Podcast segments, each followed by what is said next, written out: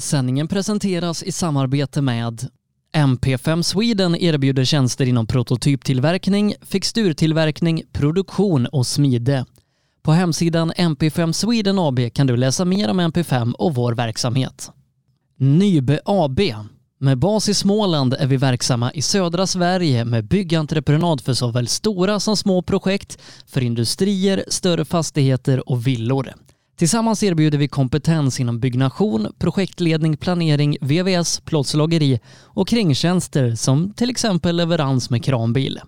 Vi har dessutom ett komplett byggvaruhus i Eneryda. Nybe är totalentreprenör som kvalitetssäkrar ditt projekt från idé till verklighet. Läs mer på nybe.se. Sedan starten 2005 har Ramudden haft som fokus att skapa säkra vägarbetsplatser. Vi fortsätter nu det här arbetet med att skapa säkra byggarbetsplatser för att öka säkerheten för byggarbetare och för de som rör sig där kring. Ramudden Workzone Safety. AM Elteknik erbjuder tjänster inom el och kommunikation för företag och privatpersoner. PP Engineering. Vi säljer och levererar däck och fälgar från Yokohama Motorsport och Speedline. Vi är specialiserade på tävlingsdäck för rally och racingverksamhet, men erbjuder även fälgar för lastbilar och däck till din historiska personbil. Alla våra produkter är framtagna för hög prestanda. Läs mer på ppengineering.se. Appelskogsbil är din Peugeot-återförsäljare i Linköping. Vi har även verkstad och ett stort antal begagnade bilar i lager. Kom och besök oss på Attorpsgatan 1 i Linköping eller besök hemsidan appelskogsbil.se. Girvelius Store, en butik med stort utbud. Vi har det mesta från heminredning och accessoarer till jakt och fiskeutrustning. Vi är dessutom Swedol-partner. Besök vår butik på Vallgatan 45 i Fjugestad eller vår webbshop girvelius.com. JG Mark är ett företag som utför mark, sten och betongarbeten. Läs mer på jgmark.se. Ja, mina damer och herrar, hjärtligt välkomna ska ni vara hit till våran livepodd på Rally Lives Facebook-sida och på appen SPF Play Radio. Eh, hoppas ni har haft en fantastisk helg i solskenet och sommarvärmen som intagit Sverige. Eh, vi är som sagt tillbaka med en ny podd och den här podden ikväll kommer då handla om den svenska rallymästaren från 2003, Andreas Eriksson, som inte bara blivit svensk mästare i rally utan som även eh, framgångsrikt eh, driver ett rallycross-team på absoluta världsnivå, har blivit världsmästare till och med som team 2014 med hans Oldsbergs Motorsport Evolution, som inte bara är duktiga på att driva team utan också bygga bilar och har bland annat byggt Pikes Peak-bilar till Marcus Grönholm, Gymkhana-bilar till Ken Block och mycket mer. Här under kvällen så ska vi få dyka in mer i Andreas värld och höra lite mer om hans rallykarriär som började i början av 90-talet och hur det numera då är att driva ett team där bland annat hans söner då eh, tävlar. Innan vi kommer dit så har vi en annan kul grej att berätta och det är att vi har inlett ett samarbete med amerikanska sajten Dirtfish. Eh, Dirtfish som driver en rallyskola i Seattle i USA och som numera då också driver en rallyhemsida där de rapporterar om VRC, amerikanska mästerskapet och har faktiskt också skrivit om svenska rally-SM. Eh, men förutom att göra det här så säljer de också riktigt schyssta rallykläder och mössor och tillbehör och sånt där. Och tack vare samarbetet med Dirtfish så kan ni som lyssnar få 15% rabatt om man handlar i deras webbshop genom att använda koden 15rallylive. Eh, och det är vi väldigt, väldigt glada för att kunna berätta. Så in där och kika om de har någonting spännande och använd koden 15rallylive när man checkar ut så får man alltså 15% rabatt. Eh, vi ska nu då ta och eh, ringa upp kvällens gäst, Andreas Eriksson. Du, eh, Andreas, eh, vi ska ju snacka en del rally idag tänkte jag, för, för många känner ju det kanske framför allt eh, som, eh, som en rallycrosskille, men när började du med rally? Eh, jag började med rally när jag var 18 år. Så min, jag åkte min första tävling. Så jag fick ett pris av Svenska Bilsportförbundet, nej Stockholms Bilsportförbund. Um, fick jag en sån här Suzuki. De hyrde en rallybil åt mig så jag åkte min första tävling i Globenrallyt. Och det här måste ju vara... Oj, jag, kommer, jag minns det inte ens men det måste vara 90... 91, där någonstans. 91, 92, 90 kanske. Och, och hur kommer det sig att det blev rally? Ja, det är lite lustigt. Men jag, jag hade åkt väldigt mycket folkrace innan och, och, eh, och det hade gått väldigt bra. Så Stockholms Bilsportförbund och hyrde den här, en bil. och var från en Suzuki GTI från Gebit. Som hyrde ut sådana vid tillfället. Och då hyrde de den så jag fick åka två tävlingar. Då. Jag fick åka en tävling i Kolsva minns jag. Och, eh, och en tävling i, i Globenrallyt. Um, så att varför det var ett rally, det var egentligen för att jag ville bli världsmästare i rally. Det var som alla, jag hade kunnat bli världsmästare. Det var, var det som var mitt mål som alla andra unga killar har idag. Man ville bli världsmästare i rally kunde man bli det. Så det var målet jag hade då. Fanns rally i familjen innan eller var kom intresset från? Nej, det fanns inte. Jag kom ju från folkrace. Jag, jag, jag har inte åkt annat. Jag hade åkt folkrace som junior. Eh, det är klart att jag menar, rallycross och hela den biten var intressant men som sagt då kunde man ju bara då bli Europamästare. Och rally var någonting jag hade drömt om att köra och för mig är rally det är ju ett äventyr. Det är ungefär som... Ja, det är ju häftigt. Och på den tiden så var ju... var ju um, mitt mål var väl att försöka komma så långt som möjligt och, och, och, och kunna jobba med som rallyförare. Då. Men uh, det varför det vart rally. Jag kan inte riktigt svara på det. Jag försöker fundera här samtidigt men, men det vart bara. Eh, men eh, så här i efterhand, är du nöjd med valet? Eh, vi ska ju komma in lite mer på vad du har gjort sen i, i rallyvärlden, men, men är du nöjd med att det blev ja. rally som 18-åring?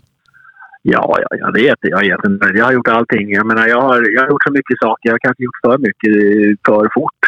Men, men rally var ju någonting jag åkte många år. Jag åkte från när jag var 18 år till 2004. Så att jag menar, vi pratar i alla fall en, ja, vi pratar i alla fall en 14-15 år aktivt då. Innan jag, innan jag sadlade om och började med rallycross. Det är klart att, att rally ligger mig varmt om hjärtat. Um, och jag har åkt massa olika bilar och jag, jag kom väl så långt som jag kände att jag hade ambition. Men samtidigt så byggde man företag och, och familj. Det var många saker på gång. Till slut så var det för mycket saker att göra det var fint. Men eh, du, du började ju åka den här Suzuki då någonstans där i, i början av 90-talet. När började du liksom verkligen satsa på, på SM-nivå och sånt där? Jag åkte junior-SM, så jag åkte den här Gebit Suzuki då första året. Eh, och jag, sen så köpte jag min egen Suzuki, en Mark 2 då, en 89. Och eh, det här var ganska tidigt, för bilen var bara ett år gammal. Så det var, ganska, det var en ganska ny bil. Så den köpte jag då 2000, eller 89 då. Eller 90, ja någonstans där. Jag kan inte exakt åren. Åren går så fort. eh, och sen började jag åka junior-SM med den Suzuki. Så att det första junior-SM jag åkte var i den Suzuki då. Och sen eh, gick jag vidare från den Suzuki. Så det var egentligen då jag började åka lite SM och jag åkte lite Suzuki Cup som fanns på den tiden också. Som var väldigt bra gemenskap. Eh, men du, har ju varit ganska framgångsrik då som förare. När liksom kände du att ja, men, jag är duktig på rally, det, det här kan ändå bli någonting?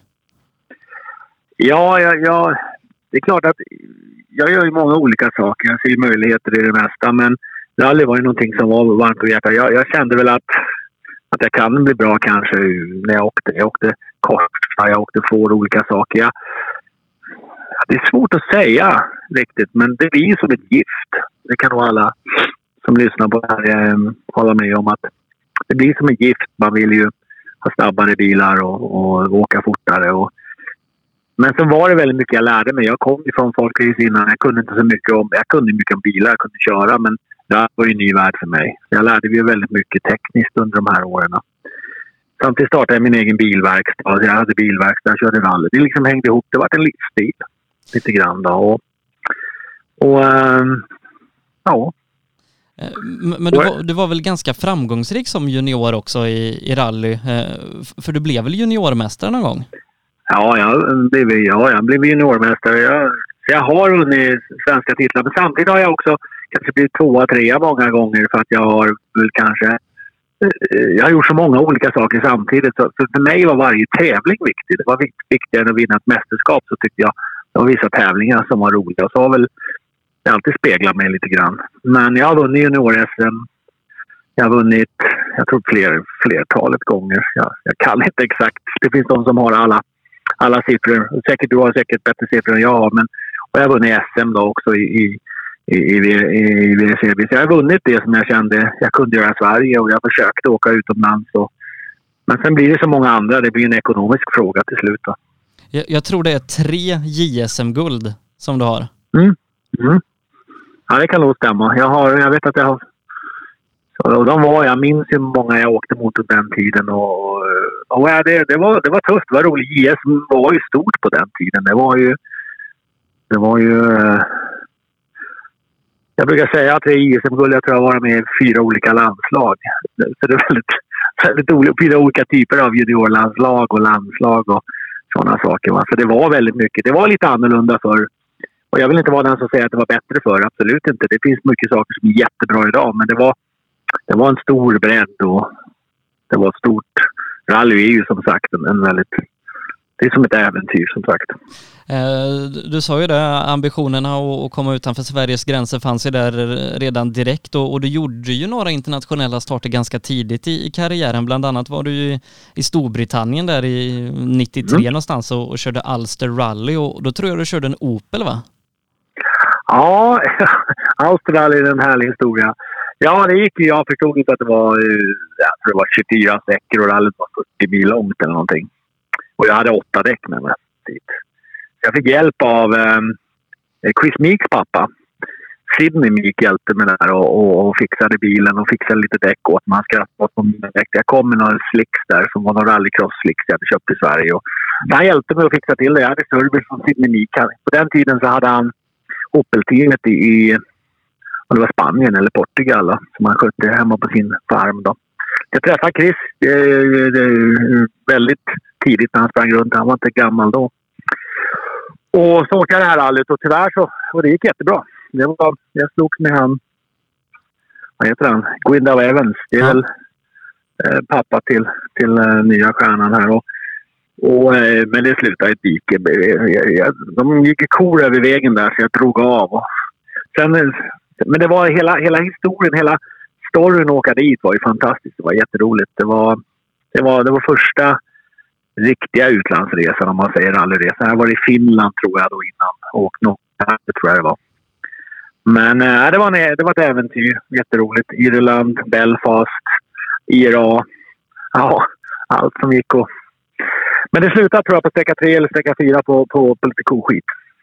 Eh, men många när de ska åka sin första internationella tävling, man tittar ju kanske ja, dels på tävlingar som ligger lite närmare då och liksom kanske eh, Tyskland och sånt där. Men, men att välja Alster Rally som sin första riktiga utlandsäventyr, det, det var ändå vågat. Ja, det var, det var, ju, det var långt till Irland. hörni.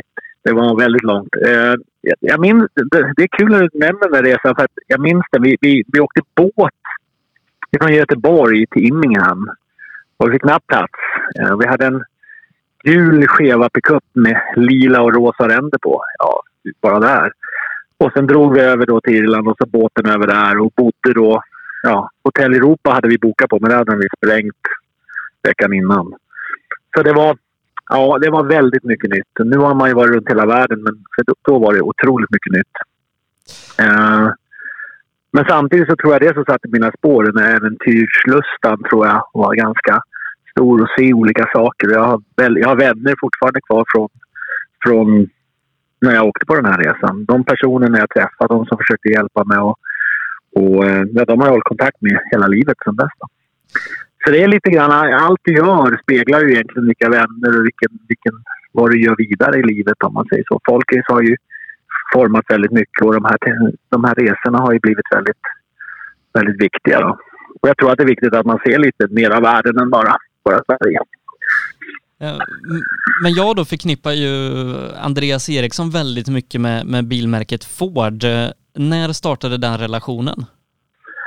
Ja, det, det, ju, det har ju blivit det. Mitt, mitt, det vart så Nu ska vi se. Egentligen så ska vi se om det här blir rätt här nu Men jag åkte ju då en Ford. Jag visste inte vad jag skulle åka efter Open då. Och då var det Eh, att jag, ja, efter de här tävlingarna i England då, så fick jag kontakter i England. Och då, då var det så att jag köpte en Ford av Gordon Spooner. En fabriksford. Som jag tänkte, som ingen annan hade här. Och jag har varit där och testat. Det var en häftig bil då. Då köpte jag den och det visade sig att det var lite var en testbil som Gwyndorf hade kört då. Så igen då så träffade jag väl Gwyndorf på de här, så det är väl i samband med den här eh, Ulstertävlingen tror jag. Um, och det vart en Ford och det var, det var inget specifikt. Det var inget mer än att just då var den här F2-bilen en Ford Escort. Den hängde med längre och många år och sen så åkte jag den några år. Uh, och sen så åkte jag VW ett tag men sen gick jag tillbaka till Forden så att jag hade väl den. Det är nog den tävlingsbil jag tävlar med längst i rally. Jag hade två olika modeller där. Men, och de finns fortfarande kvar de bilarna verkar det som. Så att, uh, Ja, så det är en bra fråga. Sen tror jag då, eftersom jag åkte Ford och vi vann junior-SM-guld och det, så vart det i samband med svenska Ford och vi gjorde lite aktiviteter tillsammans. Och sen hade de ett jubileum då, 100 år i motorsport tror jag det var. Och då eh, gjorde de en satsning med den här Ford Puman. Och det var ju första gången jag egentligen gjorde något med Ford Sverige då. Och eh, sen var det Ford Sverige med Puman ett eller två år och sen vart det VUC-fokus ändå. Så det är egentligen... Ja, jag tror nästan den där ultraresan kanske började resan på Ford på något sätt. Eh, men eh, under de här åren då eh, så, så blev det väl eh, JSM-gulden. Det är Mikael Driftsson som skickar in här och säger att ditt sista eh, år var, var 97. Hur, hur, liksom, ja, hur, var, hur var resan eh, de här åren eh, under 90-talet med den här eskorten Kitcar som är en väldigt, väldigt häftig bil? Ja, den var ju, det var ju först en, en, en F2-bil och sen vart det en Kitcar-bil under tiden. Och, och, eh, så jag, jag, som många andra, jag hade inte mycket pengar. Jag byggde om och fixade och Jag byggde en egen bil av den där. Jag tror att båda bilarna finns kvar. Och jag köpte en, en kraschad bil och när, när Kitcar kom då så fanns det ju du kunde ha en motor som var KitKar och kunde ha bilkit som var KitKar. Det var väldigt mycket som hände på den framhjulsdrivna fronten på den här tiden. Det var inte fyrhjulsdrivet alls. Utan det var alla typer av KitKar, alla typer av... Ja, det var väldigt mycket saker som hände där. Eh, uh, 97 var sista året jag åkte JSM, men sen åkte jag 98... Nej, 98 åkte jag också i bilen. Sen 99 åkte jag för VV Sverige då, ihop med Harry Rocky. Och sen så avbröts det samarbetet. Det skulle vara två år, men det var det ett år på grund av att det kom en ny bil och lite olika saker. Så att, sen åkte jag Forden igen då, typ 00. Och då hade jag uppdaterat Forden igen, så jag åkte den ja, 95, 96, 97, 99, äh, 98 och 00 kan man säga. Eller ja, de, de, det var två olika bilar. Eh, men, men om vi det var några år. Om vi hänger kvar lite vid, vid Volkswagen där efter då liksom mm. drivit det i, i, privat regi så, hur var det att komma in i ett återförsäljarteam? Ja, det, var, ja, det, var, det var ju svårt. Jag var ju en, jag var, en, jag var ganska, jag vill fortfarande säga en del, men jag, jag var väldigt, väldigt svår kanske att göra med. Jag, jag jobbar fortfarande med Stefan Johansson som var min första crewchief någonsin. Och hans historia om mig är ganska, ja, han ser mycket av vad han såg i mig, i mina barn. Men, men han jobbar fortfarande tillsammans med mig. Så det har, vi har hängt ihop sedan 99 kan man väl säga. Sen vi träffades där. Så det kan inte vara för hemskt. Men jag kom ju in där med stora... Jag visste ingenting om att vara i team. Jag var ju liksom van att göra allting själv. Så det var väldigt nytt. Och jag lärde massor av Harioki och, och den här biten. Så det var, det, var, det var viktigt att vara med där i tiden. Jag lärde mig väldigt mycket hur professionellt allting var och vad man kan verkligen göra av saker och ting. För innan så var det mera, ja, ihop med skiten och kör. Så det har varit lite, jag, jag har varit, det har inte varit så. nu på senare år som jag har blivit väldigt mer, kanske mer noggrann med saker. Förut var det tävlingen, det var viktigt. Nu kör vi. Liksom. Det var, eh, så man, man lär sig mycket med åren. Eh, men, men, eh, hur var det i ett återförsäljarteam där i slutet av 90-talet, början 2000-talet? Nu, nu, finns ju inte det riktigt på samma sätt eh, i Sverige, även om det har varit satsningar med stöd av återförsäljare och generalagenter och så vidare. Fick du ersättning för att köra på den tiden? Ja, jag fick hjälp av Harry. Jag gjorde en hel del grejer. Jag gjorde aktiviteter och arrangemang och jippon åt dem. Så att, men det, det, var ju väldigt mycket billigare i alla fall. Men jag gjorde fortfarande saker. Inte minst att jag fick någon lön, men jag, jag, jag, jag fick i alla fall... De tog mig för att jag var talangfull och så sätt och jag, jag gjorde mycket saker runt omkring. Va? Sen var jag väl... Eh, och jag menar, början av året så var, var det svårt kan säga. Men slutet av året så fick vi upp farten rejält och var det riktigt skojigt. Så eh, för mig hade det varit, jätte, det hade varit jättekul om det kunde bli ett år till. Men, men det var som det var då. Det, är precis, det var ju i, i eran mellan Mark, alltså när de bytte modell, Golf 3 till Golf 4 tror jag det här var. Och då kom det en Golf 4 till, till året efteråt och då kom det bara en bil istället för två bilar. Det var olika saker. Så, så då fortsatte Harry själv och jag. Jag var lite jag vet ju det hur det och det var då jag drog igång Forden igen. Jag lärde mig så otroligt mycket på det här året. Så att det var ju första gången någon sa åt mig att så där är inte rätt, utan så här ska du göra. Så det var egentligen då som det började bli lite ordning på saker och ting, kanske mer. Så. Men vid det här laget så hade du ju kört rally i tio år eh, nästan och i oh. 20-årsåldern över det där och, och, du sa först här ambitionen att bli världsmästare. Eh, hade den förändrats runt resan eller var det här liksom ett mål på vägen? Ja, det är svårt att säga men jag, jag tror nog att jag fick en annan syn på saker och ting kanske under, under det här året. Jag, jag lärde mig mer runt omkring det kommersiella. Jag gjorde ju väldigt mycket in, saker innan då, men det var ju mer på lokal bas då. Um, ja, jag, jag som jag sagt, jag åkte till Ulster tidigt. Jag gjorde olika saker vilket troligtvis satte intryck på, på de här killarna som var stora på, på den tiden. Jag åkte fort, väldigt fort bitvis. Och så varvade jag det med väldigt mycket krascher också. Så att jag var väl inte det säkraste kortet kanske på, på, på skadekontot. Men, eh, men jag har hela tiden liksom försökt att flytta fram målsättningarna och åka fortare och fortare och fortare. Och den här golfsessionen var ju... Ja, men jag, jag tror så här när du tar upp det så tror jag det var då jag började, jag började förstå lite mer runt omkring hur man kunde bygga ihop saker och ting och hur teamen skulle ha formade. Innan så var det en buss och ett släp vilket var helt okej. Okay. Men nu var det väl lite mer struktur för att, för att kunna ta hand om sponsorer. Och, och rally börjar också bli lite dyrare här nu. Redan på F2-tiden så Suzuki var ju tämligen enkel att driva och nu kommer vi då upp i, i, i bilar som F2-bilar börjar bli lite dyrare. Och bilarna vart ju dyrare och dyrare så det krävdes ju mer saker runt omkring. Så, eh, för att få, få runt hela apparaten. Eh, men eh, hur liksom kom Ford-styrningen sen då till med, med Puman? Ja, det är, sen, det är lite, när jag inte åker år två där så får jag lite hjälp av Stefan. Och Stefan eh, gäller då som han kallas. Han hjälpte mig få ordning på min Ford ännu bättre. För jag, lär, jag kör, kör den här golfen, den gick ju fantastiskt bra. Jämförde jag med min Ford så var det ju den mycket bättre. Men han hjälpte mig att bygga om min Ford så att jag var nöjd med den. Så vi byggde om den bilen till 2000. Och 2000 så åker vi... Det är ett väldigt bra år. Även om jag inte vann SM det året så åker vi otroligt fort. Och vi slåss mot alla. Vi slåss mot Harry och vi slåss mot Jonas Kruse och vi slåss mot massa. Det var, det var ett stort år för, för rally. Väldigt mycket duktiga chaufförer i tvåhjulsdrivna klassen. Uh, eh, och vi var i topp hela tiden med den här gamla eskorten då, som alla. Och, och, så det året egentligen det året som jag... Så den, så den bilen fick vi en väldans fart på till det året. Vi fick en ny kitcar-motor som jag... Jag hade en hemmabyggd kitcar-motor innan nu fick jag lite nya grejer till den. Och, ja, det varit en väldigt stor skillnad.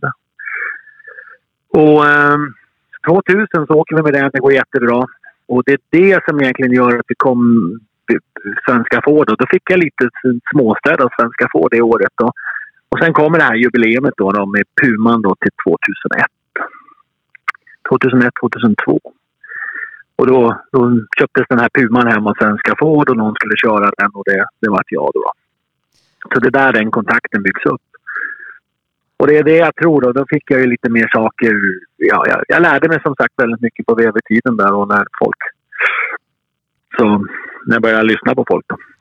Eh, hur var Puman att köra? För att det är ju en väldigt spektakulär rallybil, framförallt i formen. Eh, men, men, den är ju väldigt häftig att, se när, när den liksom eh, är ute på sträckorna och låter häftig, ser ut att ta vägen bra. Men kanske framförallt på asfalt. Ja, den är fantastiskt bra bilen. bilen. Vi åkte jättefort med bilen. Men problemet var de här två, vi åkte, det var 1600 kubik. Och att hänga med två liters bilarna, då behövde vi varva 10 000. Så vi varvade 10 000. Men det höll aldrig i spel, axiallagren. Så att vi kom väl nästan inte i mål så ofta med det. Det var väldigt mycket tekniska problem med den här bilen. Kommer ju då från F2-bilen som gick jättebra då på slutet. Och det är lite klassiskt. Va? Man hoppar så fort man har en bra bil och kan ge jättebra resultat allting börjar fungera. Jupp, då hoppar vi till nästa. Uh, men jag ska, jag ska inte säga att det var fel, men det var, det var väldigt mycket saker där som och även han som konstruerade bilen, vi åkte till England mycket. Jag fick träffa en Philip Dunnaby som hade gjort den här bilen och så sätt. Och det är ju folk jag känner än idag. Uh, jag träffar väldigt mycket folk där som sen kom på M-sport. Så, så, hela det där, jag, jag, jag träffade mycket folk som, som jag sen har... Ja, en del har jag träffat på andra ställen. En del har växt. Sådana har växt till otroligt fina positioner. Så det var väldigt mycket vi åkte till England flera gånger med den här Puman och åkte också. Eller flera, jag tror två eller tre gånger och var med i olika rallyn. Men problemet med det där var att det gick fort tills motorn gav upp. För det gjorde den ganska ofta. Men som bil var det en fantastisk bil och folk stod ute i skogen och lyssnade när vi kom. Och som, på den tiden körde jag... jag, jag, var, jag då kände jag mig ganska säker. Bilen var... Jag var snabb. Men bilen var lite... Ja, jag ville nog mer kanske än vad bilen ville. Och Vi, och vi ville slåss mot de här tvålitersbilarna och vi ville vara med i toppen och vi, vi var med och slåss. Men, men det var det, aldrig några riktiga totalresultat med den bilen. Men som sagt, det var många som kommer ihåg bilen utifrån skogen. Men eh, du körde den ett par säsonger va? Två säsonger med den. Mm. Ja, och, I SM. Och sen blev det ju VRC-bil då, eh, en, en Focus eh, VRC. Mm. Och, och berätta lite hur, hur det blev så. Ja, men det var svenska Ford var jättenöjda med den här. Vi, vi hade ju lite problem med det saker, men vi gjorde en massa aktiviteter. Vi gjorde, vi gjorde väldigt mycket saker med svenska Ford på den här tiden. Jag hade väldigt bra samarbete med olika personer. Eh, speciellt Peter Chadwick och Johan Pananen på svenska Ford på den här tiden. Och, ja, men intresset var, drömmen var ju att åka WRC-bil naturligtvis. Och och eh, vi åkte, så de, Peter Chadwick fick mig på en test med, med, med, med Malcolm och vi var där, vi var sist. Vi var, vi var absolut sist av alla som skulle testa dem, men vi fick testa och ja. Och det, då kände jag att det här fyrhjulsdrift och turbo, det här var ju, det här var ju kul. Så att, eh, och när jag, när jag känner att det är någonting jag vill göra, då, då ser jag till att det blir gjort. Och vi lyckades få ihop den satsningen med Svenska Ford med olika personer. Det var min egen bil. Men vi hade stöd av, av Återförsäljarföreningen. Så det var ju en otrolig urladdning för att få till det här. Och det var ju från gå från den här Puman då till, till det här som var det ett otroligt stort steg. Men efter att ha kört den här WRC-bilen kände jag att ja, det här, det här vill jag göra. Eh, innan vi går in mer på eh, året eh, 03 då, så, så, vill jag prata lite om din, din relation med, med Patrik Henriksson för att eh, fram mm. tills den här delen då när, när du började åka VRC-bil så har ju han åkt med dig i princip från start. Ja, Patrik och jag hängde ihop i alla år och gjorde det bra. Vi var på alla tävlingar tillsammans eh, och även i VRC i starten där. Och det är, väl, eh, det är väl det du ska komma in på, vad som händer där. Så vår första start och så hände det ju en liten olycka då, tyvärr. Men eh, han har varit med alla år och, och det var... Ja, vi åkte med SM åkte Suzuki. Första, inte gebitbilen, min första tävling var min farbror som åkte med. Men jag vet inte om han vågade åka någon mer någon med sen. Eller om jag, jag vet inte riktigt hur det gick. Men han, sen dess var det... Patrik var modig på den tiden måste jag säga. Ja, eh, för, för som du sa, eh, kraschkontot kanske var lite högt ibland, men, men hur var Patrik att, att ha med som, som kanske lite motvikt till, till din aggressivitet bakom ratten? han, var, han är jättelugn och sansad. Nej, det var jättebra. Det, han, han var jättelugn och sansad och vi åkte som sagt många, många år tillsammans. Um, och eh, ja, det var jag minns många, vi har skruvat ihop de där bilarna och kraschade bilarna och jag har lackat och fixat. Han kom ner och hjälpte till och vi stripade. Och, ja, vi, vi jobbade tillsammans och försökte få ihop de här bilarna. För som sagt var, det var ju en del, ja, det kunde hända allt det mest fantastiska då. Och så blandade det naturligtvis med väldigt mycket bra resultat också. Så han åkte med alla, ja jag tror han åkt alla tävlingar utom en och Patrik åkt med. Ända tills jag åkte, ja, ända till 2003 då, februari i Svenska rallyt. Men många då som, som man har liksom, om man ska kartläsare förarrelationer, det blir ju nästan som att ja, man, man blir ju bästa vänner och, och mer därtill. Eh, har du och, och Patrik en relation idag? Nej, inte så mycket. Vi, vi, eh, nej, vi har inte så mycket relation som vi hade då. Han har sitt liv och jag har mitt liv. Han har gjort lite olika saker. Och jag, jag fortsatte ju. Va? Jag hade ju, sen hade jag Pekka sen som lite olika kartläsare. Jag, eh, det var lite så att jag... Mm, när jag drog där till rallycrossen då, då var det lite annorlunda. Måste jag säga. Så jag, jag menar, jag åker ut på skogen. Eh, jag hade både Patrik och Pekka med och alla de här... Eh, när vi gjorde de här toppdriver-grejerna så var det också Det kom ju också sen då. Men eh, då var ju de med i allra högsta grad och Patrik kunde till och matcha fram sin, sin brorson och Viktor. Så det där hade vi lite samarbete runt honom. Då. Ja. Och, eh, så vi hade ju samarbete och, eh, och Viktor var ju den som var den första då. Så, så, så han, både han och jag var ju bakom och försökte hjälpa få Viktor fram. Då. Så det var ju det som vi ägnade oss åt. Och, ja, det var väl ungefär som en längre relation. Vi, vi, har, vi hade gjort allt det här och vi, vi kände att nu gör vi lite nya saker. Ja, ja. Uh, Viktor var ju gäst här i programmet förra veckan och, och Pekka mm. uh, har också varit med. Uh, han är den, han är den som har pratat längst i programmet utan, liksom, var... utan stopp. Vad konstigt. Ja, jag, jag fattar inte vad som hände där. Men du, Svenska rallyt 2003, jag, jag, jag är ganska ung, jag var sex, sår tror jag vid det här, men jag minns det väldigt väl. Jag, jag har det inspelat på VHS fortfarande. Ja. Eh, jag kommer ja. kom ihåg ett inslag eh, inför Svenska rallyt när, när ni presenterar den här satsningen och, ja. och, och, du berättar om det här VRC-bilen. Eh, ja, det är ju på den här tiden det, det häftigaste man kan köra. Mm. Berätta lite liksom om ja, men det som leder upp till tävlingen och, och känslan och så. Köra en VM-tävling på hemmaplan i en VRC-bil. Det är första tävlingen jag åker med den här bilen då. Ehm, det här är ju februari 2003. Det här är ju, allting leder ju upp till det. Vi har ju testat. Jag var i England. Vi har, gjort, vi har gjort allting väldigt noga. Vi vet att vi är snabba. Bilen går bra. Det här, 2003 då är ju den här bilen en väldigt bra bil också. Det är uppdaterat 2002. Det, det är en väldigt bra bil. Sen går utvecklingen rasande fort på VRC-bilarna också. Men det är en annan sak. Men just då var det här jättebra bil. Och, um, vi har vi vet att vi vet att vi kan vara med. Och problemet är att erfarenheten kom in lite grann att mycket noter hade vi då byggt på Pumans noter. För många sträckor var ju samma sträckor som vi åkte Puman året innan. Och, så att det var ju lite sådana här... Eh, så att vi hade väl... Jag var med på morgonsoffan i tv. Ja, det var liksom allting. Vi var ensamma svenskar i det här rallyt. Det var det väldigt hård press då, på, på oss. Och första sträckan gick inget bra. Jag, jag kom inte in i någon rytm alls. Det var sågen. Och jag kände liksom att ja, nej, det gick inget bra. Det var varma bromsar och rök och sträcktiden var inte tillräckligt bra. Min ambition var ju... Jag visste att jag kunde åka lika fort som alla de värsta. Jag hade både bil och, och fart, eh, enligt mig själv. Då. Men jag hade inte erfarenheten med en sån här bil. Och sträcka två går väldigt bra, då, men det blir... Ja. Det, det ger mig. Det är ingen snövall utan det är en sten där. Egentligen är väl nog efteråt när man har lärt sig mycket och analyserat, men det är lätt att vara efterklok, det kan alla vara. Så var det ju väldigt mycket... Det var ju noterna som kanske var lite tuffa. För med Puman skrev jag väldigt tuffa noter. Jag skrev dem...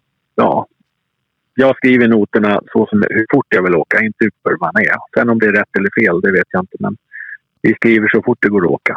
Så går det att åka som en svag, då blir det, fast det är en medium, då blir den svag. Så, men VRC-bilen gick lite fortare. Uh, det, det, blir ju en ganska hård smäll va? Ja, det blir det. Det blir ju en, en rullning, eller vi går upp på en sten och rullar in i ett träd. Där står det väldigt mycket folk. Det är också lite komiskt vilka som står där. Så här efteråt så har jag ju, det står ju ganska mycket folk där. Och vi slår i då underredet i det här trädet. Väldigt, väldigt hårt. Då. Så hade vi tagit taket så hade det tyvärr inte... Ja, det hade nog inte gått. Man ska inte vara melodramatisk, men det, underredet var uppslaget otroligt mycket. Då. Och äh, det är egentligen där jag egentligen avbryter min rallykarriär lite grann. Jag kör ju den säsongen ut och nästa. Jag kör mitt avtal ut. Men egentligen så känner jag ju att... Uh, för att Patrik då är, är ju då eh, som åkte med vid det här tillfället var ju, hand, eller var ju förlamad. Så att eh, det var ju en stor uppståndelse att få ut honom i bilen. Då. Nu gick ju det här bra då, men han hade ju lika gärna kunnat sätta i en rullstol idag, även jag. Och, och, kanske värre. Så det var väl egentligen så det, det började. Liksom. Det var väl det var början till slutet lite grann. Då. Men det hade ett avtal med svenska, med, med svenska Ford och allihopa. Att, att, att vi måste liksom göra det här bra. Då. Uh, men om man, man gör en sån krasch då, så det är alltid farligt. Och det, men alla tycker det är farligt. Va? Men det, det är lite annorlunda att sitta i en bil och ha en kartläsare med sig som, som, som blir eh, skadad. Ja, och, och, jag kommer också ihåg de, de tv-bilderna som, som att jag hade sett dem mm. i, i eftermiddags när, när, mm. när ni bärs ut ur bilen där och, eh, och, och bilen var väl, som du sa, den var väl nästan böjd som en banan och man klippte väl i burbågen för att få, få ut det och så? Ja, man klippte ut Patrik då. Per Eklund var ju där med SVT och visade allting. allting. Ja, nej, det var, det var... Jag fick trycka på en sån här knapp då för att han... Jag var ju ute lika fort som vi hade stannat så var jag ju redan ute och kollade om vi kunde åka vidare. Så var jag. Jag kunde ju hoppa ur bilen och jag kunde ju sitta och försöka åka därifrån och inga hjul kvar. Va? Så jag var ju liksom... Men det är lättare när man känner att det går åt helsike. Men sitter man och läser noter så är man inte riktigt beredd. Men eh, så de, de hade ju problem att få ut den och de fick ju sätta på allt möjligt och ta ut den i stolen och sådana saker. Så det var ju det var väldigt dramatiskt och det var tv och det var, ja, det var ju på alla nyheter och ja. Det var en stor grej av ett litet misstag. Ja, eh, men eh, bilen bygger ni ihop sen va? Ja, vi har ju ett avtal. Jag menar ett avtal är ett avtal. Så det började egentligen med att Patrik efter tre timmar, tror jag det är, jag kan inte, kommer inte ihåg exakt, och så kommer han sen till allting tillbaka. Han blir återställd då, så det blir så han fick ingen men efter det då. Men eh, så det var ju skönt. Det var ju steg ett då. Och sen så steg två var det ju att få ordning på bilen för det var ju en tävling om, ja, ja det var, jag kommer inte ihåg exakt men det var en tävling då uppe i, i Norrland, om det var Umeå eller... Det, det var nog Vännäs eh, eller något sånt där? Ja, jag kommer Jo, precis. Och det var jättetajt att få bilen då. Men jag skickar i stort sett...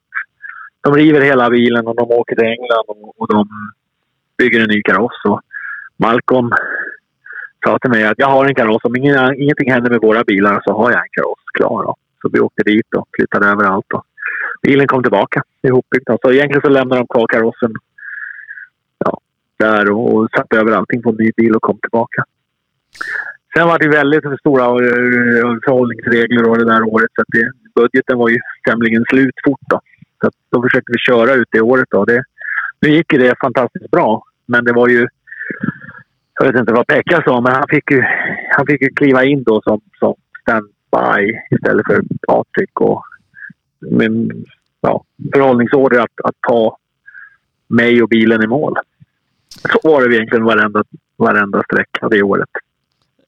Men, men hur föll valet på Pekka Svensson? Ja, en bra fråga. Ja, det är därför jag ställer den. Det är väl en enda... Ja, Patrik var modig och han var väl också modig. Jag vet inte. Det, det kan nog Pekka svara på. Han vet nog inte exakt. Det, jag minns inte. Jag vet att det var ju väldigt mycket rallyintresserade folk involverade i det här på den tiden och, och Pekka var väl den som jag kände inte Pekka på det sättet. Jag hade träffat han faktiskt när han jobbade på Bilsport. Han var med i juryn tror jag i någon sån här uh, påskmässa. Och, ja, vi kände ju varandra sådär hej och hej. Han hade gjort kartläsare i och mycket allihopa. Då. Men varför han hamnade i bilen vet jag inte. Han var väl en, en som var ledare och svarade telefon. Ja, äh, Pekka beskrev det någonting som att men, han gick in och tog lite ansvar liksom om det inte gick bra men då, då kunde du säga att, eller lägga över det lite på Pekka. Eh, han fick liksom gå in och... Ja, nej, det... Jag vet inte. Um, men det var nog precis vad som behövdes. Jag behövde nog ta... Han, var ju, han är lite äldre än mig. Fortfarande äldre än mig. Det är bra. Men han, nej, men han tog in och han fick ta lite roll för det där. För att jag var nog ganska... Det var mycket intryck efter den där smällen. Så att... eh, det var väl inte sådär eh, självklart att vi skulle åka klart den där säsongen. Och det var, var inte nog med det, men vi skulle lösa ut den här bilen. Jag minns att jag stod på banken där och jag, menar, jag tror jag tjänade 60 000 och stod på banken och väntade fyra timmar för att kursen skulle gå ner. Liksom, ja, det var, men jag måste betala bilen, annars släpper de inte ut den i England. Liksom. Så det var, ja. Och på den här tiden så var det ju inte bara, det var inte EU och det var inte enkelt och det var, det var lite mer omständigt. Så det var det, det där har jag bra minne om. Eh, men sen åkte vi ju i Vännäs jag tror det är Vännäs, nästa tävling kanske. Ja. Och där kan han peka allting om tävlingar och sträckor och allting. Va? Där har han ju maniskt minne, vad jag har lite halvtaskigt minne. Men... Uh, uh, ja. Det, det, blir ju ett SM-guld till slut i alla fall. Ja, det är den säsongen. Vi åker jättefort på slutet. Ja, det är nog bästa säsongen jag gjort sen. För att det kanske var precis det jag behövde lugna ner mig lite. Eh, och jag, jag vet, eh, Pekka berättade om sista tävlingen. Toyota plockar in eh, Thomas Rådström och, och, och Pekka mm, sa att liksom Rådström efteråt verkligen berömde er för, för körningen. Och, och om du var lite less på rally efter Svenska rallyt, hur, hur var det när du hade tagit SM-guld i VRC? Jag är inte less på rally även nu. Det, det, man, man får en annat perspektiv tror jag. Um, det är ju svårt när när man gör så stora uppoffringar först och kämpar så hårt. Och, och det här har jag ju sett massor efter mig och, och jag säger fortfarande det jag försöker lära folk idag. Att man får inte ge upp dem, men samtidigt måste man förstå hur stora, vad man gör. Men när man gör någonting så bra som vi gjorde på slutet så är det fantastiskt bra. Det är fantastiskt kul. Um, jag tror jag var... Jag tror faktiskt tävlingen gick i Kolsta, jag inte fel, Köping där. Ja. Och, ja, jag minns den tävlingen, så det är ett väldigt bra minne. Jag minns den tävlingen väl, jag minns de sträckorna och, och, och han har helt rätt. Jag menar, Rådström fick någon annan, en annan syn. Hela det året var ganska kul. Eh, på något sätt så var det lite mer lättsamt och vi försökte liksom inte eh, åka fortast hela tiden. Vi försökte åka så bra vi kunde liksom. Och, eh, jag var styrd med järnhand va? och jag började väl kanske lyssna mer också. Jag vet inte, Patrik hade väl ett... Han har ju åkt så länge så det, det, kan bli lätt att man kanske inte lyssnar lika mycket och helt plötsligt kom det någon ny där som, som man... Eh, ja. Som det kanske blir varit en annan ton. Jag, jag, jag, vet inte. Men det gick väldigt bra det året i alla fall. Eh, ni åker ju 04 också och det blir ju din sista rallysäsong riktigt på den här nivån. Mm. Eh, och sen blir det ju rallycross då som, som vi alla vet. Mm. Och varför, varför tog den rallysagan slut och, och du påbörjade nästa kapitel med rallycrossen? Ja, men jag märkte ju, jag sa ju det, jag var inne på det förut, va? Så bilarna varit, alltså utvecklingen då, det är, det är lite grann som jag ser som utvecklingen har varit på rallycross nu tyvärr. Det går för fort framåt, det blir för mycket pengar. Jag kunde köpa en VSB, jag kunde få till det där. Det var ju en stor satsning då, men jag, jag kunde få det att fungera på alla sätt. Men sen så eh, 2004 i Svenska rallyt så känner jag liksom att bilarna bara skenat iväg. Man får en kundmapp i bilen som inte går någonting. Man är som en jävla... Ja, ska man inte svära, men man, är man, man, man var som en statist. Och när jag får tillbaka min vanliga... sen fick jag en mapp som var... Ja, den här ska jag åka på backen fungerar inte ens en gång, minns jag. Och... Eh, ja, det var, jag hamnade liksom... Jag kände att helt plötsligt var man bara en kund istället för att man var... Um, en, en förare. Då. Det, det hände väldigt mycket 2003-2004 i WRC. Det var väldigt mycket sådana saker. Och mitt mål var ju att vara förare och komma framåt liksom och, bli någonting och inte bara betala, betala. Va? Det har alltid varit mitt mål att försöka få någonting att fungera. Då kände jag att så mycket jag måste steppa upp det för att, för att vara med och för att kunna vara med och slåss i Svenska rallyt. Det, det, är det, det går inte. Hade jag varit ett år mognare 2003 då hade jag nog då hade jag kunnat vara med och slagits i toppen. För så pass åkte jag. Mm, det, det, kunde vi då, men, men jag kände liksom att då, så 2004 Svenska rallyt känner jag liksom att jaha, mm, ja, ja. Och bilarna, det, då, var det, då var det pengarna som styrde mig.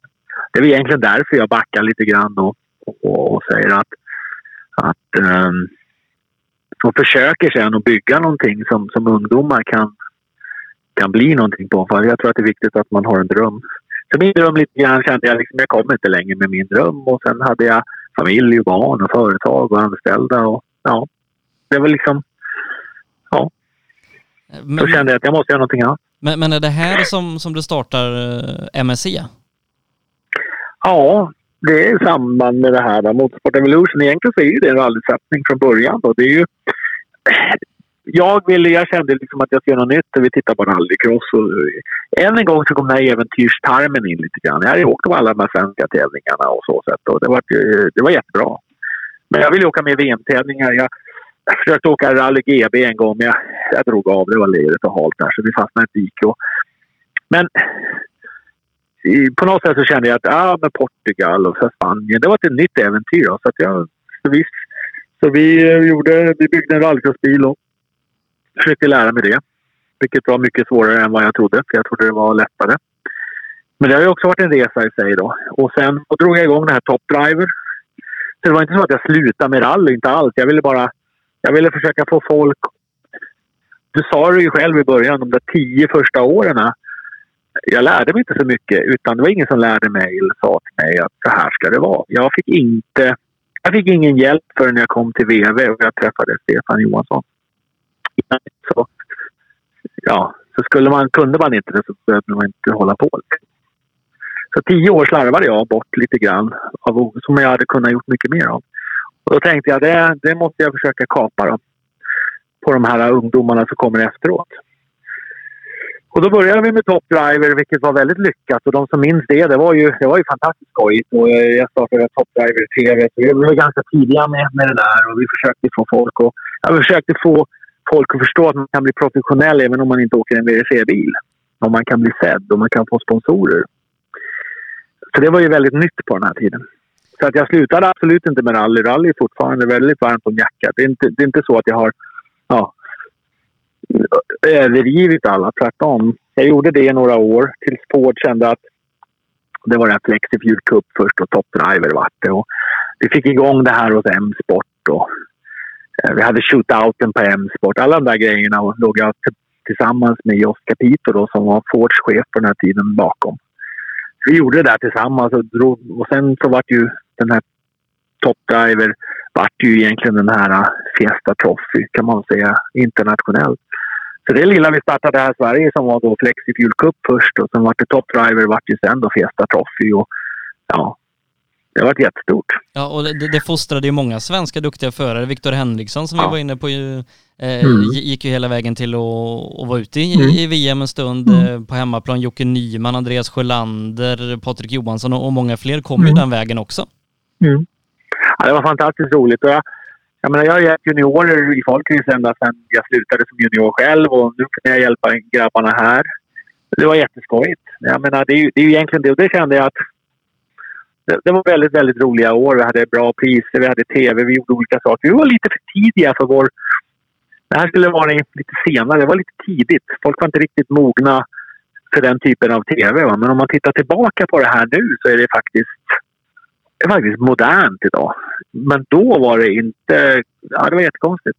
Då var, då var det nästan lite konstigt. Va? Men, men det här gick på Expressen TV och det gick på olika saker. Va? Idag hade det varit gigantiskt stort om man hade gjort något sånt. Men, men, om men det här ser, var för lite för tidigt. Om vi ser lite mer till, till din, din egna körning då här fortsatte och, och rallycrossen. Eh, var målet här liksom att, att bli Europamästare eller, eller körde du mer för skojs skull och drev företag vid sidan eller? Nej, det var bara kul. Jag byggde världens snabbaste Fiesta tänkte jag skulle bygga. Då. Så det var, en, det var egentligen ett vad där. Jag vill väl täcka inblandat förstår jag i någonting igen. Jag skulle, det var ju bil, bilsport och det var egentligen för att jag skulle ha lite marknadsföring för det här så gjorde vi, vi skulle bygga det här med en, jag tror det var en höstmässa och en påskmässa. Så byggde vi den här bilen och det var ett reportage eh, som gjordes i bilsport. Så det var väl en jag vet inte vad det var för projekt jag kom in i. Men det var Stefan Johansson var inblandad i det här igen. Som jag träffade då 99. Så han var ju ansvarig för att bygga de här bilarna. Han är fortfarande kvar och jobbar. med mig. Då. Jag har hållit ihop sedan 99 på ett eller annat sätt. Han har jobbat hos mig sedan... Eh, jag inte hos mig. Vi har jobbat tillsammans sedan 01 på olika sätt. Så att jag menar, det, det, tråden, röda tråden finns hela tiden och den här rallycrossbilen, ja. Sen när man har suttit i en sån där rallycrossbil som har så mycket hästkrafter och driver på alla fyra. Det börjar väl redan på... Det blir lite gift. Det är ganska kul. Det är liksom... Det är lite farligt. Men, men du kör Ja. ju någonstans en, en fem eh, EM-säsonger och, och ser man 07 då, då vinner du ju två tävlingar till exempel och blir trea i EM. Ja, jo, men än en gång säger jag vissa tävlingar var roliga. Alltså det var ett projekt. Det var... Det var ja, nej, men det var, det var ett äventyr. Det, det var ett äventyr jag startade. Jag ville göra någonting annorlunda. Det passade bra med familjen och barnen. Och grabbarna kunde vara med och Maria kunde vara med. Och ja, det var lite så det var. Tävlingarna var roliga och jag, jag lärde mig rallycross. Det var lite tillbaka till rötterna igen. Och jag, jag glömmer inte första gången folk sa till mig ja, men, alltså, jag tänkte på att det här går på tiden. Så, så kom jag från rally. Det var lite skojigt. Det var än en gång, då, jag, jag lärde mig massor den här resan. Och det är jag kan lärde mig massor de här första åren. Jag lärde mig massor de här åren. Så att, lite grann kan jag känna att som förare har, jag slängt bort lite år som jag hade kunnat vara väldigt duktig på. Men samtidigt har jag lärt mig väldigt mycket och det är väl det är, väl, det är lite kul. Det är lite utmaning. Allt jag gör ska vara lite utmaning. N- när blev Olsbergs liksom ett, ett professionellt rallycross-team? Ja. Ja, sen... Ja, men MSC, det är Motorsport Evolution, är fortfarande kvar. Och Motorsport Evolution var egentligen... Jag ville hitta på nya saker. Det här Flexi Fuel Cup och allt det där med etanol. Det var ju... Det var vi först att göra. Om det är merit att vara först vet jag men det var ju väldigt... Det var ju nytt och bra då på den tiden.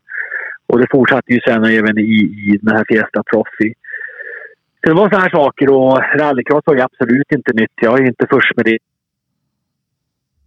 Den, men jag kom in där som, när, när det var lite... Ja. Det går ju lite upp och ner. va. Vi kom in en viss period där. Och vi åkte fram till 2000... Egentligen kan man säga då 2008 när den finanskrisen kommer. Där kan jag hitta på något skojigt med rallycrossen. Jag tar in Marcus Grönholm då som slutade 2007 som rallyvärldsmästare. Med Ford och, och så han var med. I samband med det då, då så så hade jag lite kontakt med Göran Henriksson som hade Oldsbergs på den här tiden och, och eh, som tyvärr har gått bort. Men han var ju min motståndare. Han hade ju, han, det var ju Rådström åkte ju för honom i rally. Han var ju mina, det var mina största motståndare. Eh, alltså, ja, det var ju kul på det sättet men Göran kom ju alltid och pika. Ja, nu är det bara tvåan det. Nu får du ta i lite. Så att, lite så var det ju då. Det var lite kul. Intresse med några och jag har en vild till USA. Eh, Pikes Peak har alltid varit en dröm. Det är ju lite mer rally än rallycross också. Det har alltid varit en dröm. Kommer alla, alla bilar så Göran vill göra något annorlunda. Jos Capito flyttade till USA då som, och, och han ville ju sätta en prägel på USA. Uh, ja, det, det, det blir så där ibland. Så ringer de här kontakterna som har träffat i 10-15 år. Och sen så är det något som passar. Och då bestämde sig Göran och jag vi ska åka till Pikes Peak. Och det tog ungefär två dagar att bestämma sig. Och sen var ju det projektet igång. Och då vart man ytterligare tio år äldre på, på ett år. Så att, ehm, så att allting, allting är en utmaning. Allting, jag är så här, ser jag någonting som kan bli någonting. Och det är inte så att jag har en plan att göra någonting. Top Driver var en plan att hjälpa de här unga och slippa tappa de där tio åren. Av, ok- alltså lära dem direkt att det här är rätt, det här är fel, gör så här. Kom vidare. Uh, och det här projektet med Pike gick, det var väl egentligen... Ja. Men än en gång, jag ringde Marcus. Han ville också åka Pike Peak. Så, ja, men det var jättekul. Så då var hela det projektet igång. Och det ledde ju till Ford i USA ville göra någonting. Och det ledde till att jag träffade ja, alla från Ken Block till Tanner Faust. Men som ingen tänker på som skapar de här kontakterna. Och det ledde till X-Games som liten amerikansk cirkus. Så han åkte till, det här är ganska roligt faktiskt. Han åkte till Finlandskampen, fin, ja, Finnkampen, sport på Gotland. Um, men sen kom man på att X-Games var ju ganska stort. så att, så det är såna här saker som leder. Det är egentligen så projekt kommer till. Va? Det, ja, jag kan inte säga att jag har någon planering riktigt utan vi gör saker vi tycker är skojigt och roligt och äventyrslustan är det som styr mig lite grann. Men sen ser jag en möjlighet att saker och ting händer. Jag träffar Ford i USA och man var intresserad av att vara i rallycross. Och de här Pack-bilarna var ju ombyggda rallycrossbilar och ja, och så vidare och så vidare. Men, men eh, kan man liksom någonstans säga att ni var lite av ett fabriksteam för Ford i, i rallycrossen där ett tag? Ja, och det var vi. Vi åkte de alla de här åren, vi, Göran och jag och Erik Sten och familjen eh, Henriksson och som, som drev det här. Och det var väl, vi åkte runt och tävlade. Vi hade, vi hade Kenny Bräck i X-Games, han vann ju X-Games det året. Och vi hade Ken Block och vi hade, alla, vi hade alla de här killarna. Och det här, det här var ju våra bilar och vi gjorde det här. Det var kul. Och två av de här var intresserade, men de var intresserade av det här. Och sen 2013 tror jag det är, så får vi stöd från USA, Ford USA. Och egentligen ska vi göra samma sak. Det vi ska göra egentligen att bygga sporten. Se till att det blir intressant och folk tycker det är kul och se till att det växer och blir... Det här tycker vi är jättebra. Så det var ju så det byggde. Och sen kom ju VV och sen kom ju Subaru. Ja, det, det var ett bra drag. Um, så det var så det började. Och sen kom det mer och mer team in i det här. Och sen kommer tyvärr den här negativa utvecklingen med kostnader då, i samband med det här. Och det, jag kan inte säga att vi är oskyldiga. Vi har ju alla varit med där och dragit upp kostnaderna för alla vill ju vinna. Men i och med att det var ganska fritt rallycross så drog sig kostnaderna upp mer och mer. Precis som jag kände då i VS 2003. 2004. Men, men om man ser lite till, till det ni har gjort i rallycrossen, eh, vunnit då EM-deltävlingar, Grönholm vann i, i Höljes bland annat och du vann ett par tävlingar, ni vinner X-Games, gör Pikes Peak. Eh, ser man borta i, i USA är ni ju med och, och startar sporten där och du vinner ju själv en, en tävling i Seattle bland annat. Mm. Eh, men tar också eh, fyra raka titlar bland annat med, med Tanner Faust och, och, och Toppy och, och, ett par andra mm. där.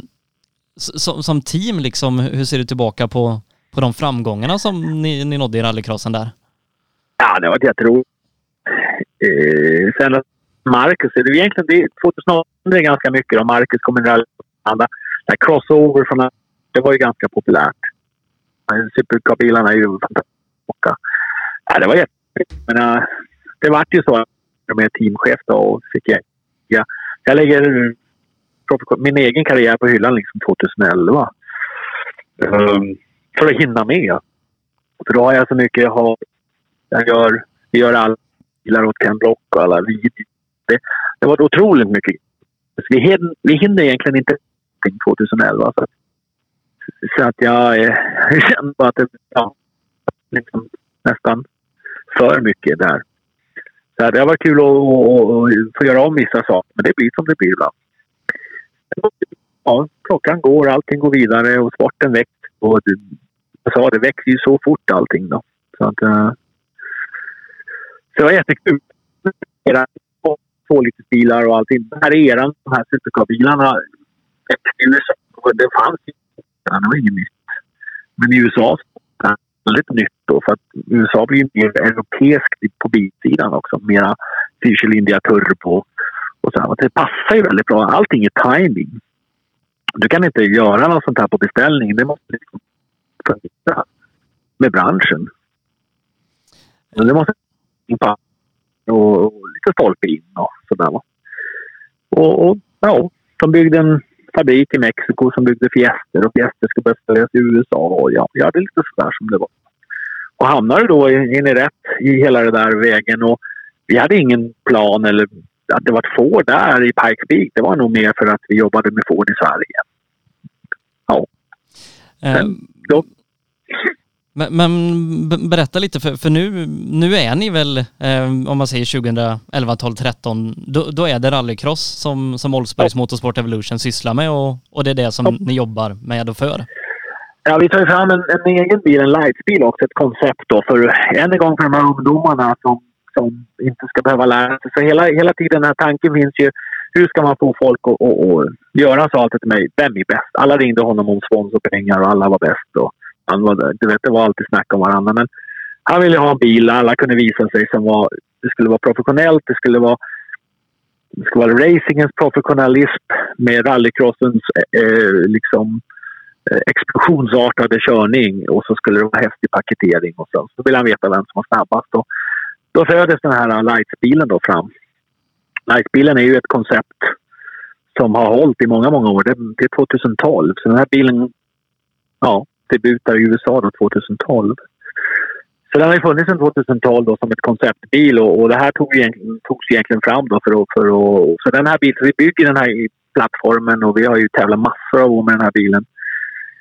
Och tagit fram massor av stjärnor också. Så det är exakt samma ungefär som Top Driver var en gång i tiden. Men tanken var då istället för att byta kaross och jobba med Ford eller något annat märke och byta kaross efter tre fyra år så byggde vi en, en röromsbil som, som man kan utveckla efter åren alltså, så att de kan leva längre. Så då kom det igång. Så det var också en av MSCs jobb, Sport Evolution-delen, att, att försöka hitta någonting som, som kan hjälpa folk framåt i karriären. Så det gjordes. Um, sen åkte vi med Ford och supercar-bilar. Vi åker egentligen fram till 2016 då, i sista... 16, 17, 16 då. I sista året med Ford. När Ford bestämmer sig att gå till VM då, de slutar inte då utan de steppar upp och då fick Block det jobbet med Fokusen och M-sport då. Var inne och byggde. Så de tog över våran pinne där. Och vi började jobba med Honda då i det här fallet. Så vi är inte låsta till Ford på något sätt, men vi har ju varit synonyma med Ford eftersom vi jobbar med dem många år.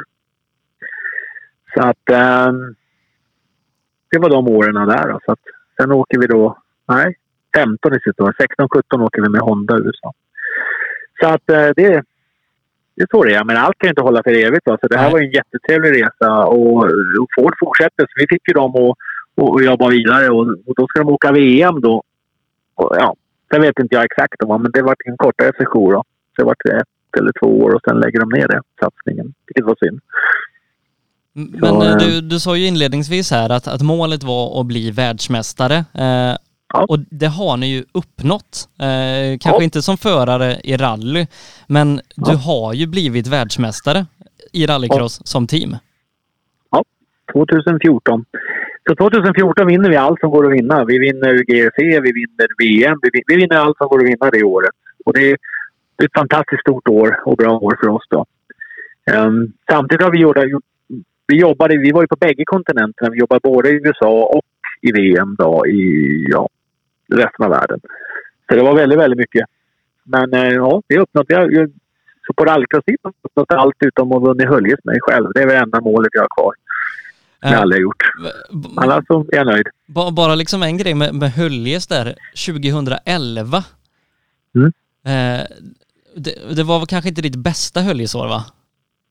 2011 skulle jag ha vunnit. Jag, jag låg jättebra. Jag har aldrig legat så bra till i en final. Jag har åkt massor av finaler i Höljes. Jag har aldrig vunnit. Ja, eh, nu låg jag ju... Och jag har alltid sjabblat bort det och det gjorde jag nu med. Men eh, ja, det är som det är. Det var till slut min krasch. Ja. Jag ser ju att jag kraschar mycket. Ja, eh, men om man då ser som teamchef, som företagare och året 2014 att, att ja, dels har tagit fram bilar som, som kan vinna överallt men, men även att då att ni som team blir världsmästare. Vad, vad betyder det för dig? Ja, det var, det var ju fantastiskt roligt. Då. Det är ju ett kvitto på allting man hade gjort. Då.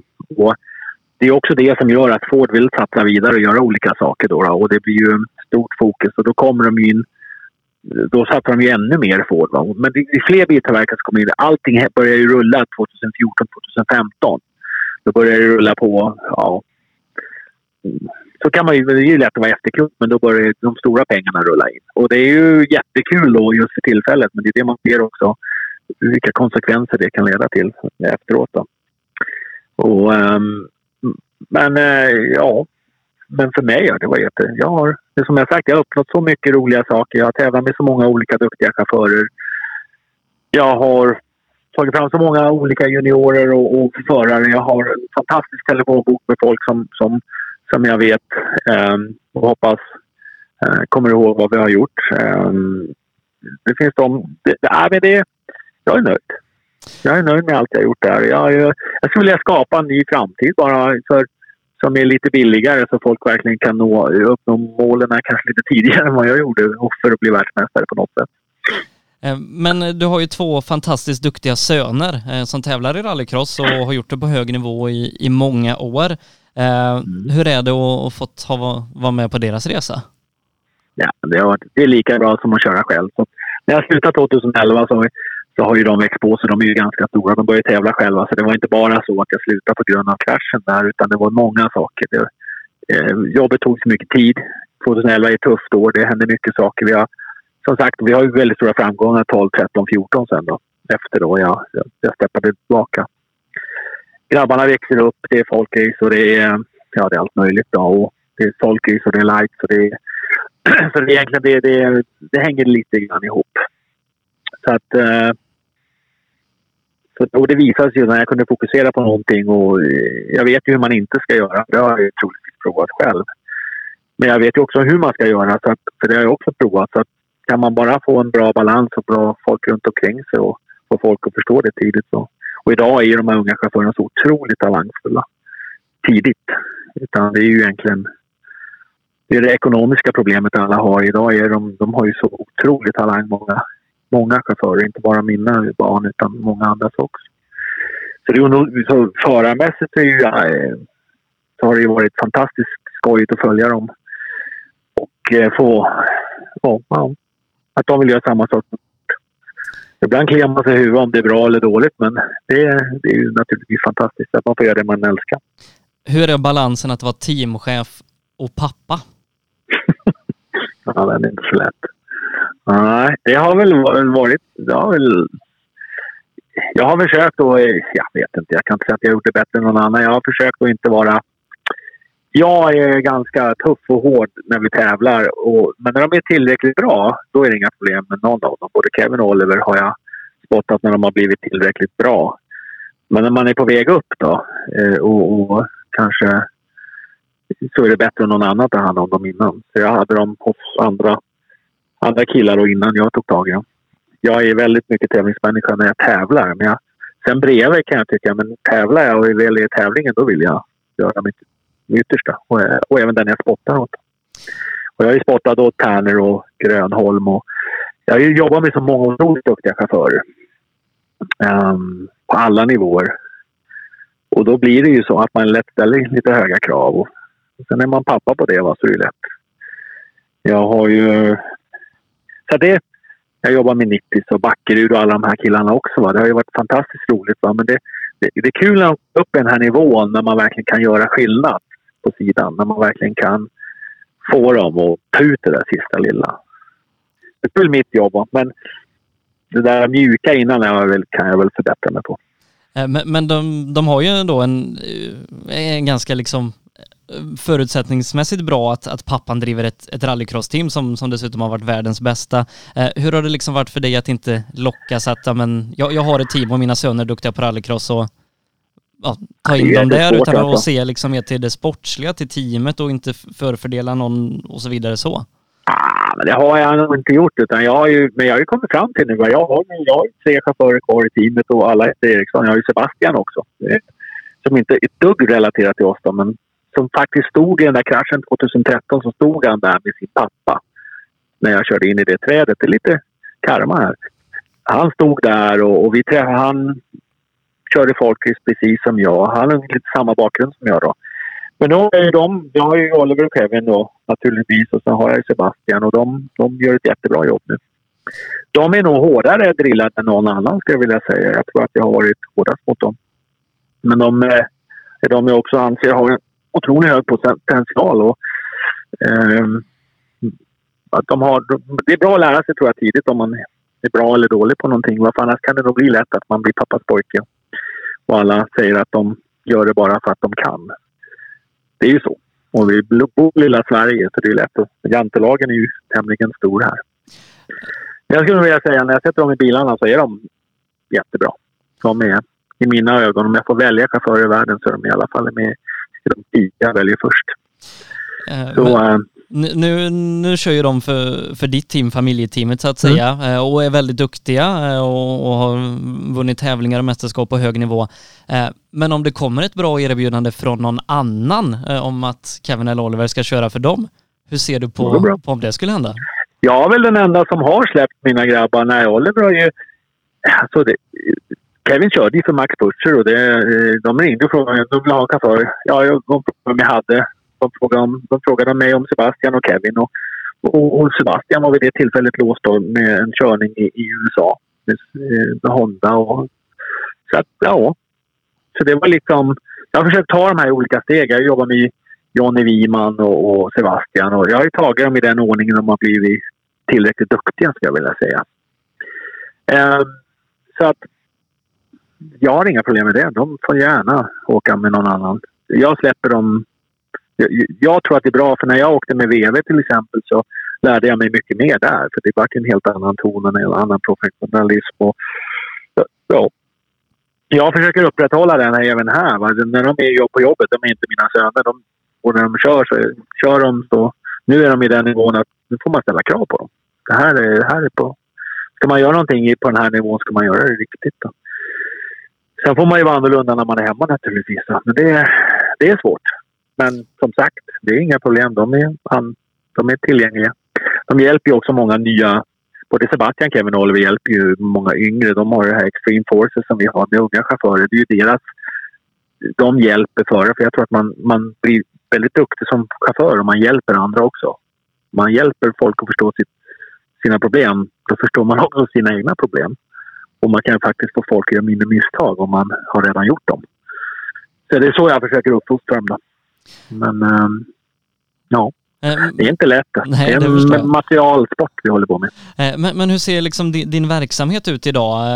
För, för ni, ni tävlar väl inte i, i rallycross-VM så på, på samma sätt de senaste åren som ni gjorde i, i början och i USA så Nej. ligger ju lite på is nu och, och så. Ja, ja, men vi har en plan. Alltså, det är ju el som kommer i motorsport och vi har jobbat med det. Jag har sett det de sista fem åren har jag jobbat på något nytt. Um, vi, ja, vi hyr ut bilar, vi jobbar med bilar. Vi, vi, vi, har, vi har omsätter ganska mycket på rallycross i vår största intäkt och, och våra största jobb. Men visst, vi åker inte VM för vi ser inte att just nu eh, ser vi inte att det är där vi behöver marknadsföra Allsbergs MSC på det sättet. Vi, vi jobbar med nya projekt och försöker lägga tid på det. Vi är inte så stora så att vi kan göra allt. Så vi har prioriterat vad vi känner att vi kan lägga kraften mest på. USA drog vi oss ur när det var lite... Det var en promotor som var lite, lite speciell och så det var lite så vi drog oss ur det lite grann. Och det var väl egentligen så hade vi väl valt att gå dit och göra saker där. Men i och med att det vart som det vart där då så, så tog vi ett steg tillbaka och, och eh, observera lite mer. Men vi är alla i högsta grad inblandade i olika saker i rallycross och allt från EM och RX2-serien som går ihop. Den, den är vi ju med och drar i och Nordic och, olika saker. Så vi, vi, är, vi, är väldigt mycket med. Men man kan inte vara överallt. Så att vi har prioriterat lite grann och framtiden är det vi försöker prioritera och se vad, vad nästa stora grej är. Mobiltillverkarna faktiskt. Uh, ja, vad går världen åt? Ja. Vad är nästa grej? Ja, för, för, för, att tävla då som, som team, det är ju ofta mer utgifter än inkomster när man kanske inte har en bilfabrikant i, i ryggen och, och ni är mm. ett, ett, företag så, så att eh, eh man, man, man ska inte tro ju... att, att, ni är borta bara för att man inte ser er på tv eh, i rallycross-VM liksom. Nej, nej, absolut inte. Vi är i allra högsta grad inte borta. Vi, jag vet inte vad alla om men vi, vi, jag menar, vi har en stor omsättning på många olika saker. Men vi jobbar med rallycross. Det är vårt jobb. Um, det liksom har aldrig varit en hobby sen, sen Allsbergs MSC startade. Det har varit ett, ett företag. Det ska drivas som ett företag. Och vi har ju, ja, visst, vi har haft stora, stora år som har varit väldigt mycket saker som har hänt. Men nu försöker vi väl omorganisera och, och planera och, och för, för hur framtiden ska se ut som vilket företag som helst. Vi ser ju att det blir stora ändringar i motorsporten. Och, men vi, vi jobbar ju även med historiska bilar. Alltså vi, vi breddar Allsbergs MSC. Vi kommer jobba med en framtid. Vi jobbar med serier och olika saker. Vi jobbar med nya projekt eh, i den här framtidsvisionen. Men samtidigt så jobbar vi då med äldre typer av allting från rallybilar till rallycrossbilar. och renoverar och, och, och utvecklar och, och bygger. Då. så att vi är ganska allsidiga på det sättet. Men eh, vi, vi ser ju också att biltillverkarna har ju har intresse i rallycross men vi ser att de har, det är ett annat fokus som du ser ute i tidningarna idag och, och framtiden består av. Eh, men om, om, man liksom ska, ska knyta ihop säcken och gå tillbaka lite till rally. Både, mm. både du och Kevin har ju provat på rally eh, tillbaka mm. i Suzuki för något år sedan, Slottsprinten och gick väldigt bra för er båda. Eh, om man liksom ska lägga ambitioner och världsmästardrömmar och lite sånt åt sidan, skulle du kunna tänka dig och kanske Kevin också, och Oliver för den delen med, att köra rally lite för skojs skull? Ja, ja, ja. Det är så man ska åka rally. Man ska åka rally för att det är skojs skull. Jag la av för att för alla hade, för att, för att jag såg att jag inte kunde... Jag, jag, kunde inte riktigt nå toppen. Jag har inte lagt av intresset för rally, absolut inte. Och, men nu har jag haft två söner som jag har försökt hjälpa upp och de tar, de tar över mer och mer i företaget nu också. Då. Så att det, ja. Men jag går väl lite tankar. Jag ringde, jag ringde Anders Nilsson här för en månad sedan och frågade om han hade en Opel stod där. Om den var, alltså, jag ringer runt lite och kollar läget. Så jag är alla uh, intresserad. Sen ska tiden finnas också. Så är det. det skulle vara lite rally nu i coronatider, då hade jag varit där. Ja, ja vi, eh, vi får väl se vad, vad framtiden har att utvisa. Eh, men du Andreas, det har varit jätteroligt att, att få prata med dig och, och summera eh, din karriär och prata om, om Oldsbergs MSI och vad ni gör och de framgångarna ni har haft. Eh, när liksom tror du att, att ni är ute på banorna igen? Vi åker i Höljes nu 2-5 maj, eh, juli. Eh, Magic Weekend All Star. Det kommer att bli en väldigt intressant tävling. Vi kommer att se, det kommer att finnas rallyvärldsmästare på startlinjen, flera stycken kan jag säga, som ni som är rallyintresserade. Um, och det kommer komma... I, det kommer bli väldigt intressant tävling. Tyvärr kan inte alla följa den här uh, på, på, plats så som det brukar utan det kommer bli en, en pay-per-view uh, paket för att klubben ska få pengar och det här ska fungera. Men det kommer, jag kan garantera en, en tv-sändning alla kap, alltså ja, väldigt hög nivå. Så NEP är bakom det här. Vi kommer leverera ett paket som ska kännas som man är där, att man är hemma. Um, jag jobbar väldigt, väldigt hårt för att få den här, för att få den här tävlingen att komma på plats. Um, och jag menar, i rally, jag vet att det är svårt att få till de här grejerna men det, jag tror att det är viktigt att allting återgår, inte till det normala, men i alla fall att vi upprätthåller en viss, um, viss tävling. Jag menar, det, det, är viktigt för det är viktigt för alla liksom, att man inte blir för deprimerad och sitter hemma. Kom ihåg att allt jag har gjort har jag gjort för att jag har, jag har ingett allt från Pikes Peak till, ja, till rallycross, till rally, till allt vad det har varit så är det, är det någonting som man brinner och drömmer för och man får aldrig sluta drömma. Så att um, det är vad jag gör next. Ja. Sen hoppas vi att vara i USA i slutet av året igen för det drar igång grejer där också. Och, nej, jag ser ganska ljus på framtiden ska jag säga. Ja, det är härligt. Det behövs positivitet, det behövs bilsportpositivitet eh, i de här eh, ganska tuffa tiderna för, för alla. Eh, mm. men du, Andreas, jättestort tack för att jag fått prata med dig den här kvällen och uh, lycka till med allt ni tar er till framöver och förhoppningsvis så syns vi på en rallytävling någon gång framöver också. Det, jag lovar inte, men jag, jag, jag hoppas det. Jag ska göra mitt yttersta. Om inte annat ska jag komma dit och racea, träffa alla, alla gamla gubbar igen. Ja, och alla unga, nya talanger. Du, Andreas, ha en fortsatt fin kväll och återigen, stort tack. Tack så mycket. Ja, där pratade vi som sagt med Andreas Eriksson som eh, som sagt i många år var fantastiskt duktig rallyförare. Fyra SM-guld bland annat och har drivit eh, team framgångsrikt Oldsbergs MSI, bland annat blivit världsmästare då och ligger i framkant och är med och utvecklar rallycrossen och den delen. Eh, jättekul att ha med honom i programmet den här veckan. Eh, även om vi inte fick till eh, Skype-lösningen riktigt där så fick han ändå vara med via telefon. Nästa vecka jobbar vi på en oerhört intressant gäst som vi förhoppningsvis ska få klart här i dagarna. Och det är en, i princip så klart att jag nästan vågar lova att det blir av. Eh, nästa vecka så jobbar vi på att ta med Phil Mills, eh, världsmästarkartläsare 2003 tillsammans med Petter Solberg, åkt oerhört mycket rallytävlingar, varit väldigt framgångsrik i rally-VM, inte minst tillsammans med Petter. Och nu då driver ett företag som tillverkar, eh, servar och reparerar och underhåller eh, historiska rallybilar, framförallt Ford Escort. Förhoppningsvis är han med oss nästa vecka 19.00 när vi sänder våran livepodd igen. Vi ska också givetvis tacka alla som är med och gör den här podden möjliga. Jättestort tack till våra sponsorer MP5 Sweden, Nybe, Ramudden, AM Elteknik, JG Mark, Jirvelius Store, PP Engineering Yokohama och våran nya sponsor Dirtfish. Amerikanska Dirtfish som bland annat driver en rallyskola i Seattle och som även eh, nu då har satsat på Eh, rallymedia. Eh, har bland annat Colin Clark som varit med i podden och eh, David Evans från Autosport som skriver och bevakar rally-VM och, och rally över hela världen på Dirtfish hemsida.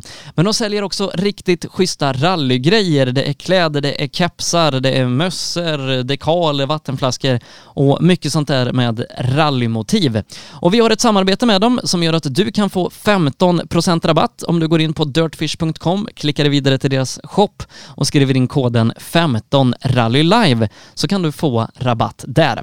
Nästa vecka, som sagt, är vi tillbaka förhoppningsvis då tillsammans med Phil Mills. Eh, övriga poddar som vi sänt tidigare kan du hitta här på vår Facebook-sida Rally Live, eh, även på spfplay.se. Eller så går du in där poddar finns och så söker du upp Rally Live där. Så kan du lyssna på de nu någonstans 12 programmen tror jag som vi gjort här under coronatider. Och vi kommer fortsätta över hela sommaren, fortsätta göra de här programmen, prata med människor, profiler, ikoner inom bilsporten, framförallt rally för att fortsätta ge er, eh, er, ja, inte riktigt veckliga dos, men nästintill av den här fantastiska sporten. Stort tack för att ni tittar och lyssnar och följer oss. Eh, jag önskar er en fantastisk vecka och uh, hoppas som sagt att ni tar hand om er och att vi hörs snart igen.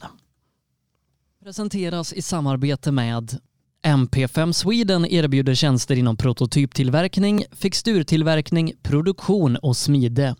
På hemsidan MP5 Sweden AB kan du läsa mer om MP5 och vår verksamhet.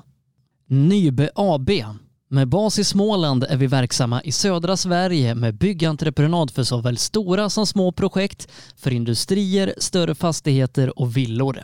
Tillsammans erbjuder vi kompetens inom byggnation, projektledning, planering, VVS, plåtslageri och kringtjänster som till exempel leverans med kranbil. Vi har dessutom ett komplett byggvaruhus i Eneryda Nybe är totalentreprenör som kvalitetssäkrar ditt projekt från idé till verklighet. Läs mer på nybe.se. Sedan starten 2005 har Ramudden haft som fokus att skapa säkra vägarbetsplatser. Vi fortsätter nu det här arbetet med att skapa säkra byggarbetsplatser för att öka säkerheten för byggarbetare och för de som rör sig där kring. Ramudden Workzone Safety AM Elteknik erbjuder tjänster inom el och kommunikation för företag och privatpersoner. PP Engineering. Vi säljer och levererar däck och fälgar från Yokohama Motorsport och Speedline. Vi är specialiserade på tävlingsdäck för rally och racingverksamhet, men erbjuder även fälgar för lastbilar och däck till din historiska personbil. Alla våra produkter är framtagna för hög prestanda. Läs mer på ppengineering.se. Appelskogsbil är din Peugeot-återförsäljare i Linköping. Vi har även verkstad och ett stort antal begagnade bilar i lager. Kom och besök oss på Attorpsgatan 1 i Linköping eller besök hemsidan appelskogsbil.se. Girvelius Store, en butik med stort utbud. Vi har det mesta från heminredning och accessoarer till jakt och fiskeutrustning. Vi är dessutom Swedol-partner.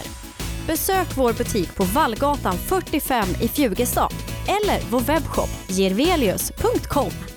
JG Mark är ett företag som utför mark, sten och betongarbeten.